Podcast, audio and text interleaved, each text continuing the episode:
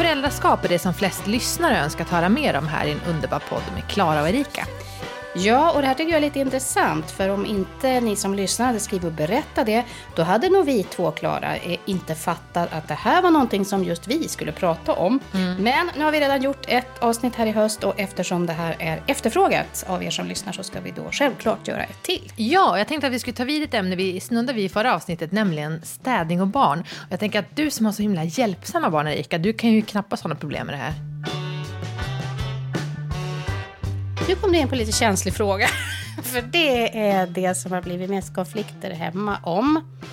Det är så himla många lördagar som blivit dåliga för att till sist så har man liksom vaknat ur det här, så här vardags, måndag till fredag sömnen. Vaknar på lördag morgon och bara "Ah! jag kan inte bo så här, jag kan inte leva så här. Vi måste städa. Och så har vi varit hemma och städat hela förmiddagen. Kommit ut så här kanske vid ett. Och är alldeles blodsockerlåga och jättearga. För att man har hållit på och röja och rensa. Och, nej, men det brukar alltid bli bra när vi går hemifrån. Och nu har det liksom tagit mig typ 15 år att lära mig det. Att det kommer bli bra när du har gått hemifrån. Och så kommer man på stan och bara, nej men livet är ganska bra ändå.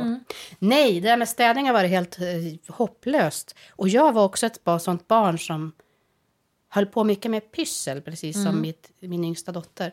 Jag kommer ihåg pappa brukade svära och säga fan är liksom driven med papperssplittret. Alltså att jag klippte saker och så lemade ihop dem. Men för mig var ju det konst. Så jag blev så sårad. förstår jag. Ja. eh, jo, men också tänkte jag själv så här, vi kan inte ha såna här lördagar att hela förmiddagen ska gå. För man säger bara nya saker. Du vet, det är som man börjar rensa så kommer man ju bara till nästa lager av helvete. I skitatmosfären hemma. Nej, men då ställde jag en klocka så här, att barnen skulle säga 15 minuter, äggklockan. Städa allt vad ni kan på 15 minuter ska vi se hur mycket ni hinner. Alltså jag typ en liten tävling av det. Men det tröttnar ju. Isa genomskådar ju det. Och Maria tröttnar också på det. Och hon är ju en pysseldrottning. Till sist så blev det så här att hon förstod att om jag stänger min dörr då kan ju ingen klaga. Så fick man inte öppna dörren. Och så till så, nej men det funkar inte, vi kan inte ha så att, att det ska vara, måste vara stängda dörrar hela tiden. Man får aldrig komma in i ditt rum. Nej. För att det ska vara som en hemlig skapargrotta typ. Ja, och så tittade jag ju in där och så såg det ut som att det var väldigt mycket kreativitet där inne. Ja. Det är liksom driven med papperssplittret. Kom jag då själv igång. Ja, eh, så då till sist så började vi bara bråka så mycket så sa men vet du, du kan inte ha stängd dörr. Vi, om inte du håller hyfsat städat då måste vi bara haka bort din dörr. Vad hände då? då? Nej, och då tänkte jag så här, det här kan inte jag säga om jag inte menar det. Så jag var, tänkte så här, men jag måste då bara vara beredd att haka dörren och gå ner den med, i, eller upp i förrådet. Och det hade jag faktiskt tänkt göra. För det är en sån här grej som jag tycker är det som har funkat bra med det jag har gjort med barnuppfostran. Det är att ha, vara så här konsekvent, att om man hotar med något, Då genomför man det. ja, då genomför man det. Men man kan ju inte hålla på och hota så mycket, för då har man ju en lång lista med saker man ska komma Ja men exakt. Ja. Det är det som är problemet när man har för mycket alltså, principer och för mycket regler och liksom krav. Om du gör det här så händer det där. Då måste man ju, om man inte då efterlever det så tappar ju det sin verkan på en gång. Så, Jag har ett exempel på när det funkade. Och det var när en av mina döttrar var jättesmå. Då var vi hos och hälsade på några vänner. Och då var det i den här åldern när vad heter det, skönheten och odjuret. Och det var, ja, jag kommer inte ihåg de där figurerna. Men det var någon som, de började bara springa runt. Och låta ungefär som en skitjobbig Disney-film. Och till sist sa så här, men nu funkar det inte, nu får du dämpa det. Och eh, till sist var det bara så, men om du fortsätter nu, då kan inte vi vara kvar. Och vad hände? hon fortsatte. Ja, och då var det bara att säga så här. Martin och Elisabeth, jättetrevligt att träffas. Men nu har jag sagt att vi kan inte vara kvar om det fortsätter. Så vi får, då fick vi bara åka. Ja. Vad fick det liksom kosta det där att jag inte fick träffa mina vänner så mycket som jag ville. Men vad sa de då? Kändes det okej att göra så? Alla blev otroligt obekväma och tyckte nog att jag var för hård. Men då har jag aldrig, aldrig, Nej. aldrig behövt göra om det. Jag vet, jag, jag, så där kan det ju verkligen vara. Men varenda gång jag ser den här äh, havet är djupt eller Ja. hör det Ja. i något sammanhang så får jag sån här eh, ilning av att jag var kanske lite för hård förälder den gången. Ja, men det, vad hade det hänt om du inte hade följt upp på det där då? Då hade hon ju liksom inte förstått att mamma tom, det är en massa tomma hot bara när hon kör. Jo, men de där grejerna funkar ju alltid, men det är rätt jobbigt att göra dem. Ja, det är det ju verkligen. Ehm, det är därför jag har så få regler som möjligt. Men det måste ju som vara trivsamt med barnen. Men jag måste hålla med det. Jag har också haft väldigt lättsamma barn. Ehm, speciellt kanske det äldre barnet, men även folk är ju väldigt eh, lättsam. Så jag har inte haft, jag har inte behövt ha så mycket för att de har varit självgående och de får stiga upp själv på morgonen och göra sin egen frukost om de vill. De väldigt mycket Är det det här som gör att du och jag inte själva har tyckt att vi är så intressanta att prata om det här? Nej, men det är nog det att vi har inte haft jättemycket utmaningar med våra barn. jag. Men peppar, peppar, för jag, man, jag har ju så små barn, man vet ju aldrig vad de får för problem när de blir större, om de har liksom eh, massa svårigheter i skolan eller vad det kan vara. Men, men jag, jag tror också så här, jag har aldrig känt mig som en... Eh, alltså, var, ja, men så här, när man läser liksom bloggar och poddar om föräldraskap, man känner sig otillräcklig, det är klart att man kan göra sig det, men det på olika sätt. Men jag har känt, jag tror att det har att göra med att jag har haft väldigt så här, trygg barndom själv och att det har varit väldigt odramatiskt med föräldraskapet, för att jag har som tänkt, men det vart ju bra det mamma gjorde med mig, Eh, så då gör jag som henne och då kan det väl inte bli så tokigt. Och så är det inte så mycket mer med det sen. Sen har jag såklart massa saker jag tänker på, att ja men jag har två söner, jag vill att de jag vill ha två fina söner som inte är bröliga pojkar som slåss och eh, du vet, tar för mycket plats. Utan sådana saker tänker jag på. Det tycker jag är en utmaning. Att tänka Men ska vi liksom. ta det då? För det är en av de vanliga frågorna här. Nu har jag skrivit ut lyssnarnas eh, svar på vår fråga vad vill ni höra på podden i sommar? Och det var flera som skrev om det där. Ska jag bläddra vidare i högen? Jo, men det handlar ju om det här som du faktiskt också har bloggat om. Alltså, vad, hur tänker du kring killar och barnuppfostran? Till exempel här. Så undrar Johanna. Eh, Klara, du nämnde en gång om hur viktig uppfostran av killar är. Kan inte annat än hålla med. Tycker därför var roligt att höra mer om hur du tänker och hur du gör. Och tänker om vi ska ha ett så här superkonkret exempel så att det blir tydligt. Har det här hänt att du hämtar dem på förskola, dagis och så har de varit i konflikt? Mm. Alltså fysiskt slagit någon. Mm. Vad gör du då? Ofta har ju, berättar ju fröknarna, nu har det här, det har väldigt sällan hänt ska jag för det första säga. Men om det händer så är det så här, jag hörde att det här hade hänt idag. Va, vad var det som gjorde att du reagerade så där? Säger du till, Till mina barn, ja, eller till min ena son då. Vart du arg? Liksom. Jag, alltså, hur ska jag förklara? Nej, men det jag gör är att jag frågar, alltså jag pratar väldigt mycket med mina barn. Alltså, mm, jag har en, min yngsta är tre, jag har ju långa resonerande samtal med honom om hans liv och hur det känns med olika konflikter och när den personen säger så, hur reagerar du då? Varför känns det inte bra i magen? Och, blir du ledsen då? Ja, hur känns det när man är ledsen? Klara, Mm. kan det inte bli lite då som när jag pratar med honom i bilen idag, Mm. när han är tre? Jag vet inte. Nej, alltså, det, alltså det, han blir ju lite nervös i intervjusituationen. så han tyckte Ja, att... det kan vi ju alla bli. Ja. Precis. Båda mina barn, de är ju mina barn så de gillar att prata om sig själva. så det är väldigt lätt att ehm, eh, få dem att liksom berätta. Och om jag skulle säga liksom på... Gud vad luddigt. Vad ger det att ställa alla de här frågorna och prata om? Men försöka reda ut, för det är så lätt att man bara “jag hörde att du hade slagits med den och den på dagis”. Det gör du aldrig om typ. Ah, så då säger du så här, okej jag förstår, ja men den uh, ungen är ju en jädra apa. Det var rätt att Nej. slogs. Nej, verkligen inte. Men däremot liksom, jaha, blev du arg? Varför sa du inte till fröken? Varför slog du då? Varför sa inte du till fröken? Jaha, då kanske man för att då var fröken inte där just då. Eller så kom man inte på att man kunde göra det. Eller fröken lyssnade inte förra gången. Jaha, men vad ska du göra nästa gång det blir så här? Att man liksom pratar och frågar upp med sina barn. Och det kan man ju se i studier att man är mycket mer verbal med flickor än man är med pojkar och pratar och så. Så det är väl en så här, några saker jag gjort för att ut, utan att liksom slå mig för bröstet och säga att jag har lyckats, för det, ju, det blir ju facit när de blir stora, men det är en sån sak är att jag, liksom, jag pratar jättemycket med mina barn. Och tidigt har jag, har jag varit så här, när de har typ skrikit, innan de börjar lära sig säga typ att jag är arg, och de typ har skrikit och säger så här, jag hör att du är arg, eller typ, jag hör att du är ledsen. För att ofta så skriker man ju för att de kan inte säga det, men då ja, är det det det heter när jag känner så här. Så nästa gång istället för att skrika och slåss kanske de säger jag är arg. Ja, eller jag är jätteledsen. Då kan de börja liksom lära sig sätta ord på sina känslor själv. Så att till väldigt små barn säger jag hör att du är ledsen för att vi måste gå från förskolan nu.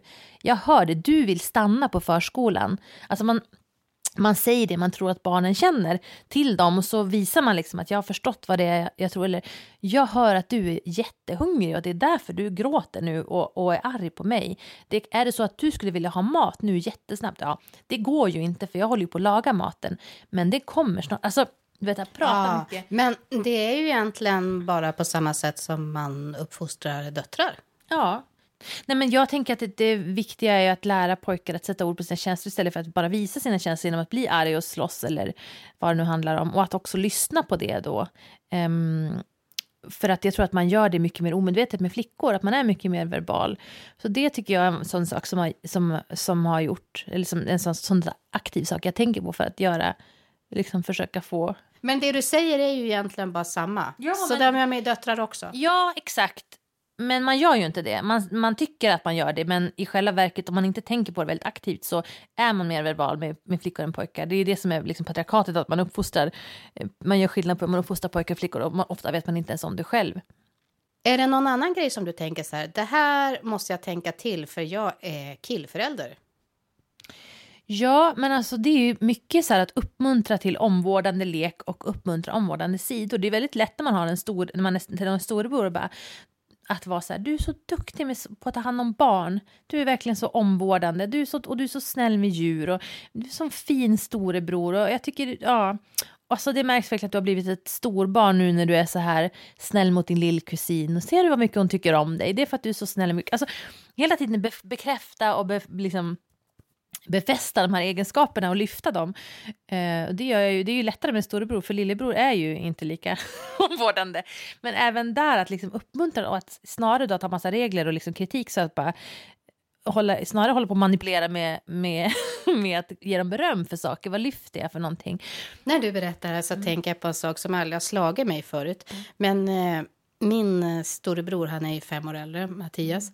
Och han, eh, jag kommer ihåg att han ofta fick höra när han var liten att han var väldigt bra på att tänka ut presenter och ge presenter mm. och slå in presenter. Det är han fortfarande. Han är super, super bra på det. Ja. Det kanske inte är direkt omvårdande, men det är i alla fall närliggande till mm. omvårdnande. Alltså omtanke mm. och det här eh, pyssliga och vara lite omständig kring relationer och ja. så. Ja, exakt. Så att de där sidorna får man ju som lyfta och, och kanske uppmuntra och kanske ger man inte de killar som har de egenskaperna så mycket cred för det. Eh, Medan man mer förväntar sig att en stora syster ska ta hand om sin lillebror eller sådär.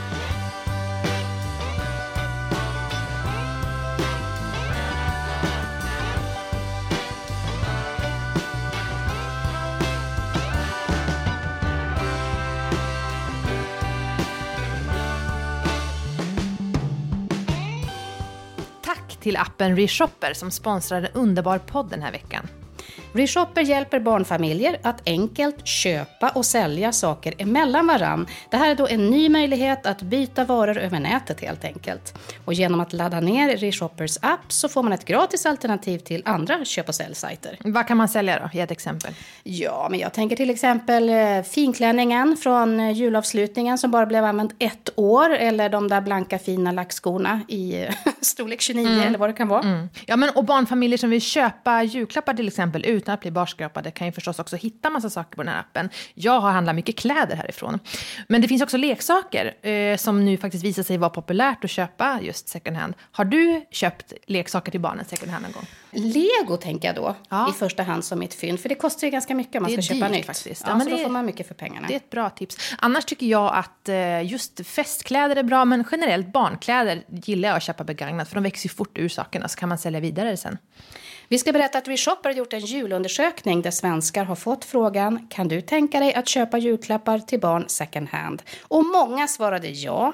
När vi kollade in den här undersökningen så hade 56 procent, alltså över hälften, svarat att de kan köpa second hand-klappar till sina egna barn. Och de flesta gör det för att spara på miljön, andra för att spara pengar. Så vill du använda dina julklappspengar på ett smart och miljövänligt sätt kan du köpa barnsaker av andra familjer. Du är långt ifrån ensam om att ha second hand under granen i år.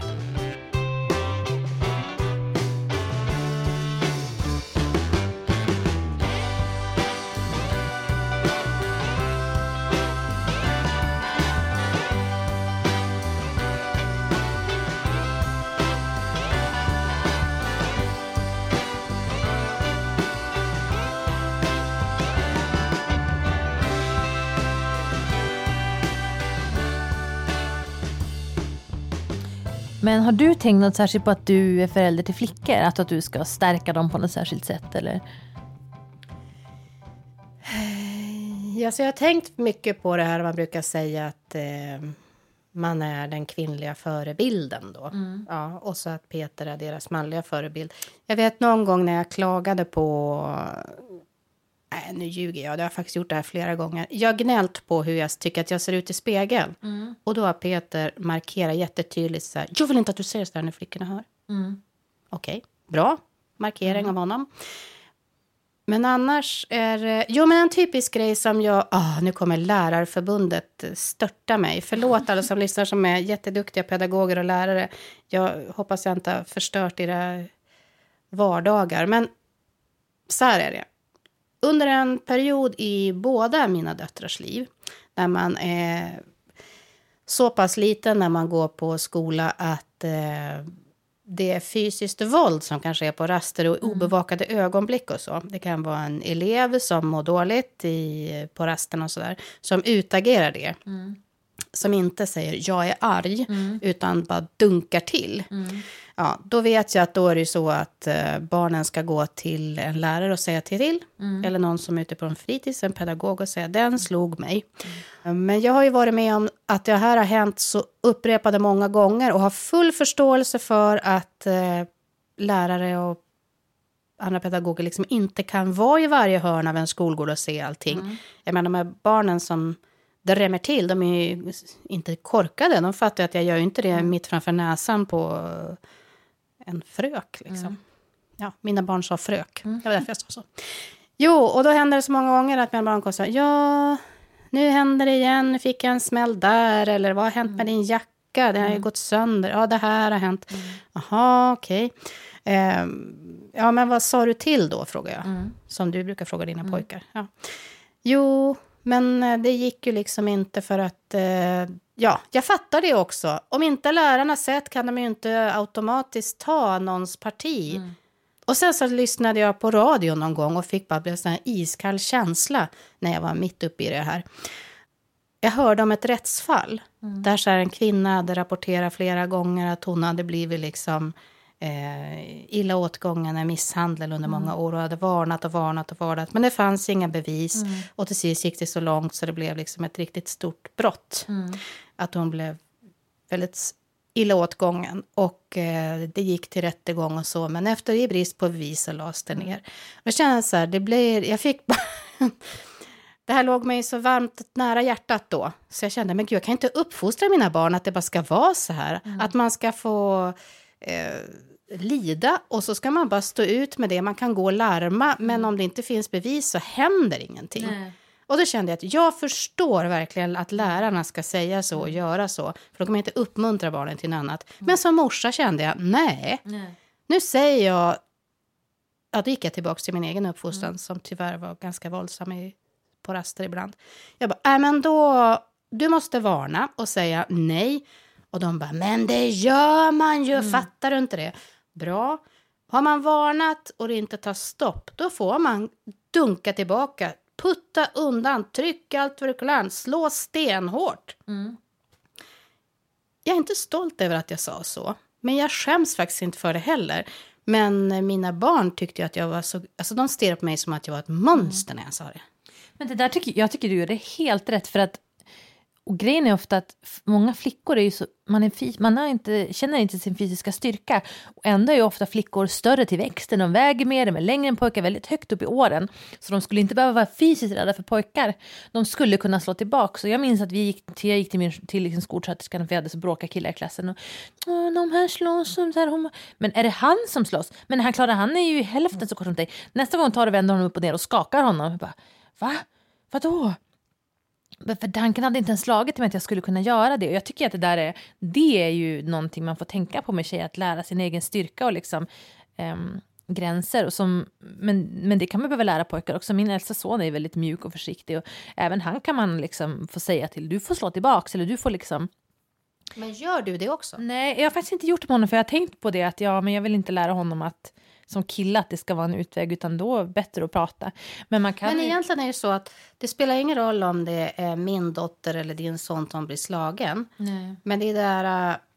det är ju lika fel vilket som. Men det är det att det tar fasen emot att säga så här, ja nu måste jag också lyfta in dig, mitt oskyldiga barn i den här fula världen där man måste klippa till Men ibland. grejen är ibland också att barn kan ju inte, inte förstå för alltid förstå. Vi hade en situation eh, med min yngsta son som höll på att knuffa sin eh, stora tjejkusin hela tiden. Och visa åt och liksom jättesträngt och han bara struntade i det. Till slut så sa jag till, till min systerdotter Juni bara, Juni, nästa gång Folke slår dig, då slår du tillbaka det hårdaste du har. Hon bara, va? Va? Jag bara, ja. Han förstår ju inte. Han är för liten för att förstå att det gör ont. Och när vi säger åt honom förstår han inte. Testa att slå tillbaka en gång. Och då gjorde hon ju det. Och sen eh, gjorde inte han någonting på henne. För då bara, oj, shit. Han gjorde en konsekvensanalys. Ja, och jag är ju inte för våld. Jag kan ju själv inte slå folk och, och liksom förklara. Men han var för liten för att förstå att nej, nej, nej, så där gör man inte. Eh, utan, och så fick hon träna sig i att sätta gränser kring sin kropp. Men däremot, jag, det gör vi också på mina söner, att vara så här, typ att ja, men om, om de håller på att krama med varandra eller, eller brotta varandra, att jag bara, och så hör jag att den ena inte riktigt vill, bara stopp! Nu, han vill inte bli kramad av dig nu, du måste respektera hans kropp. Du håller inte på att krama din, din bror om han inte vill det, eller du håller inte på att kittla honom om han säger stopp. Du måste respektera hans kropp. Väldigt så här, att liksom använda de orden. Bara. Du ska respektera andras kroppar, du ska inte ta i dem på ett sätt som de inte vill, du ska inte eh, vara, vara våldsam mot dem, men heller inte liksom krama eller hålla fast dem eller så. Eh, men sen tycker jag som tjejmamma, tänker jag så här, ja, men vad, då kan jag bli så här, typ, men, typ att jag rakar benen. Bara, Ja, men gör jag nu då att mina söner kommer tycka att det är äckligt med alla tjejer som inte rakar benen, för det är vad de uppfostrar med, med från sin mamma. För jag tänker på min man Jakob, han bryr sig ju inte, men hans mamma har ju heller aldrig rakat benen och hans stora syster har inte gjort det heller. Så han har fått med sig att det är okej vilket som, men jag kanske för över till mina söner att man ska vara rakad och väldigt fiffad i håret, för deras mamma har varit det och det är liksom en kvinnobild. Nej, men när det har hänt att jag har gjort det och de har sett det, då känner jag en lite dålig känsla. Men jag gör det ändå och jag rakar mig under armarna och så. Mm. Men- Nej, jag har inte löst det, hur man ska tänka kring det riktigt. Men eh, jag tror att jag försöker bara komma undan genom att tänka, ja, ja, men det är ju inte bara jag som formar hur de ska bli. Den ena dottern har inte varit så intresserad av eh, kläder och smink men har en killkompis som är väldigt eh, intresserad av det. Så nu har hon börjat med det. Och den andra har alltid varit intresserad. Men, men jag vet inte, jag har nog sagt att det här kan man göra men man måste inte göra det också. Så hoppas jag ungefär att det ska gå bra. Ja, men sen tycker jag att det är viktigt så här, typ att när jag står och sminkar mig, mina barn bara, varför sminkar du dig? Inte bara, för att jag vill bli fin. För bara, nej, för jag tycker det är så himla roligt att sminka mig. Det är så roligt. Och vill du prova sminka dig? Det är jättekul att leka med färg och former. Den här kan man göra så här med. Men här kan man sätta på ögonfransarna. Um, och liksom, när jag ligger i badkaret och rakar benen och barnen är med. Vad gör du? Bara, jag rakar benen. Varför då? Jag tycker det är så himla härligt. För det tycker jag verkligen. Det är så himla härligt att raka benen. Det är som en vilsam syssla. Jag är nog ganska mycket med mina söner. Att jag är så här, de kan vara med när jag liksom byter en, en blodig binda. De vet liksom vad mens är. De vet... ehm, eh, de vet massa saker om kvinnor, alltså om kvinnors kroppar och allting så här, att det är väldigt naturligt. Och det får man passa på, för snart är min äldsta son, han kommer typ att tycka att det är svinäckligt och att jag, åh vad pinsamt så. Så man får göra det nu innan han har blivit så stor att han helt naturligt ska ta avstånd fysiskt från mig. Ehm, men det är också en sak Men det kan ju också leda till att de kanske själva börjar raka benen. Mm. Och det är kanske många män som skulle känna på det, eller? ja.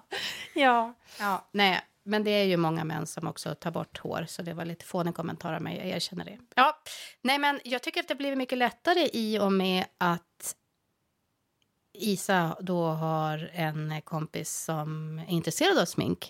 För då faller liksom den där äh, mönstret kille-tjej och då blir det som in, faktiskt mindre laddat ska jag säga.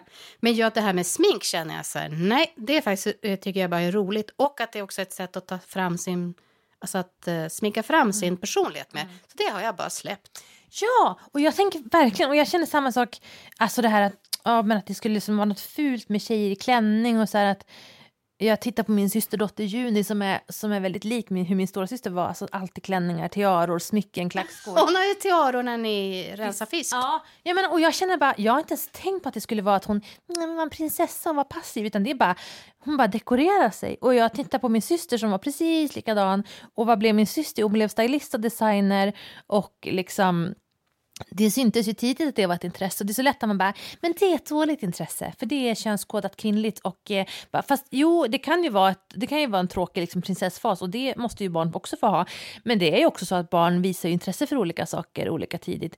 Det är ju som att ehm, eh, ja, hon har väl en estetisk ådra och det kommer hon säkert att jobba med i sitt liv. Det är kanske inte så konstigt med tanke på vilka föräldrar hon har. Det är samma sak med att Bertil älskar att träna och liksom vill vara stark. Han, han ser vad hans pappa gör och han har ju också fått med sig um, ett stort, eller han har väl det naturligt, han känner att han mår bra av att röra på sig, tycker att det är roligt. Och... Alltså det är så ofta som vi är här i ert vardagsrum där vi sitter nu och så kommer Bertil hem från eh, förskolan mm. och det första han gör är typ att dra av sig strumporna mm. och så börjar han klättra på insidan av dörrkarmen här ja. med händer och fötter som Mowgli skulle ha gjort ja. ungefär.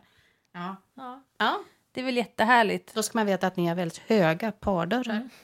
Nej, men jag tänker när du berättar det här att man, det är så himla lätt att man känner att man krånglar till det och så vill man inte det. Och jag vet inte vilket som är rätt här. Men det här med, man vill inte tänka på kille tjej och så gör man det ändå. Mm. För man måste också vara medveten om vad man inte ska tänka. Och till sist går det där bara runt, mm. runt, runt.